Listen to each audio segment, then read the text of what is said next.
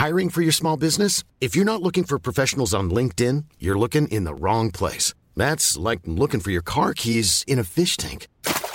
LinkedIn helps you hire professionals you can't find anywhere else, even those who aren't actively searching for a new job but might be open to the perfect role. In a given month, over 70% of LinkedIn users don't even visit other leading job sites. So start looking in the right place. With LinkedIn, you can hire professionals like a professional. Post your free job on linkedin.com slash people today. Hei og velkommen til Teknologitrender, podkasten som tar et entusiastisk, men også et kritisk blikk på hvordan teknologi og digitalisering endrer og påvirker våre liv og næringsliv.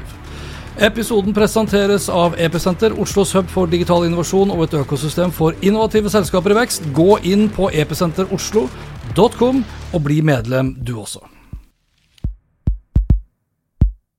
Nå har det gått ett år siden Elon Musk kom valsende inn på hovedkontoret til Twitter bærende på en porselensvask og sa de magiske fire ordene 'let it sink in'. Etter mye frem og tilbake så ble til slutt Musk tvunget til å kjøpe Twitter, og da for svimlende 44 milliarder dollar. Verdens rikeste mann lovet store endringer og en storslått visjon for plattformen, men virkeligheten har på ingen måte innfridd forventningene.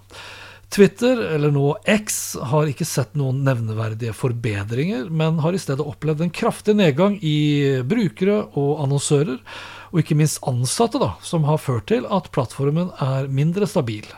Musk sin lederstil og feilvurderinger har bidratt til plattformens fall og etterlatt den, og for så vidt også Musk da, sitt omdømme, mer eller mindre i ruiner.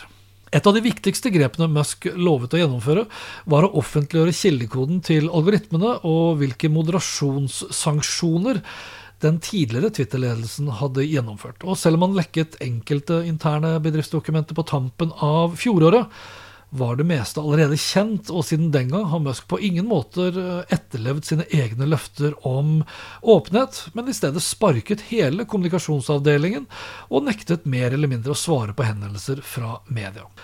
Musk skal dog ha for at han gjenopprettet kontoene til eh, en rekke utestengte personer, inkludert eh, journalister og ikke minst da, den forhenværende amerikanske presidenten Donald Trump. Som den ytringsfrihetsabsolutten som han liker å kalle seg selv, så var jo det også forventet. Samtidig har han selv valgt å blokkere egne kritikere, inkludert organisasjoner som har rettet et kritisk søkelys på Musk for sin manglende evne og fokus på å bekjempe spredningen av falske nyheter, desinformasjon og hatprat. Og det har selvsagt ikke gått upåaktet hen. Siden Musk tok over X, har plattformen opplevd en betydelig nedgang i antall brukere og engasjement. Globale app-nedlastninger har falt med nesten 40% mellom oktober 2022 og september 2023, med enda brattere fall i USA. Antall månedlige aktive brukere har falt med nesten 15% globalt og nesten 20% i USA.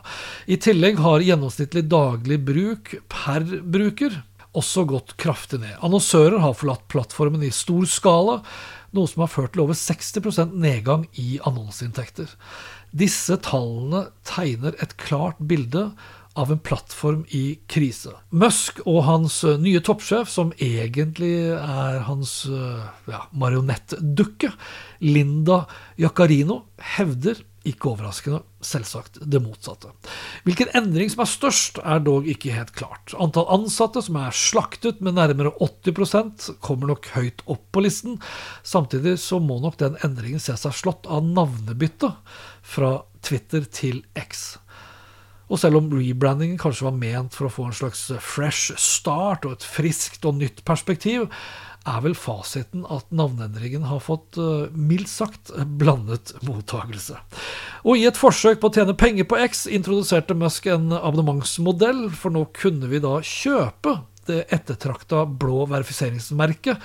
Og få økt synlighet som betaling. Resultatet har bl.a. ført til at en rekke falske profiler har dukket opp, som da utgir seg for å være legitime virksomheter, og som da har spredd alt fra falske nyheter om virksomheter til desinformasjon om krigen i Ukraina, og ikke minst om krigen nå på Gaza. Om kort tid kan det også være at Musk vil kreve at X-brukere må betale også for å poste. Altså Det er ingenting som overrasker lenger. Samtidig skremmes stadig flere vekk fra plattformen, ikke minst fordi Musk har stort sett sparket alle som jobber med moderering av innholdet på X. Og for å bøte på fravær av egne moderatorer har Musk eh, sågar valgt å stole på frivillige faktasjekkere. En strategi som har bidratt til en kraftig økning i spredning av falske nyheter og desinformasjon, og har således da ført til at troverdigheten til X har blitt ytterligere undergravd av økningen i f.eks. AI-genererte bilder og deepfake-videoer. Det bidrar jo heller ikke nevneverdig til X sin troverdighet som en seriøs plattform at Musk oppfører seg ganske så uforutsigbart og irrasjonell i den graden han gjør. Eksemplene på hårreisende tweets eller X's begynner å bli farlig mange, som f.eks. da han nylig proklamerte at han ville betale Wikipedia 1 milliard dollar hvis de endret navn til Dickipedia. Fremtiden til X er mildt sagt usikker og utfordrende. X er på ingen måter i nærheten av å bli den everything-appen Musk har ambisjoner om. Motsetningen mellom hans mål om å skape en digital møteplass for åpen dialog og implementeringen av betalingsmurer reiser jo selvfølgelig også da mange spørsmål og bekymringer. Hvorfor i all verden skal noen gidde å betale penger for å være på en plattform som på ingen måter lever opp til sine løfter, som man ikke kan stole på, og som i tillegg er ledet av en gal og irrasjonell løgner? Twitter, eller X, da, er en av disse slagmarkene jeg mener vi bør legge bak oss om vi sånn sett ønsker oss et bedre internett i fremtiden. Let that sink in Musk. Og dette var det for denne gang. Inntil neste episode. Vær nysgjerrig, still også kritiske spørsmål. Ikke vær en teknologisjåvinist, for det er den eneste måten å møte fremtiden på. Beklager at jeg er litt tett i nesa. Jeg dro på meg en liten forkjølelse på fjellet i helgen.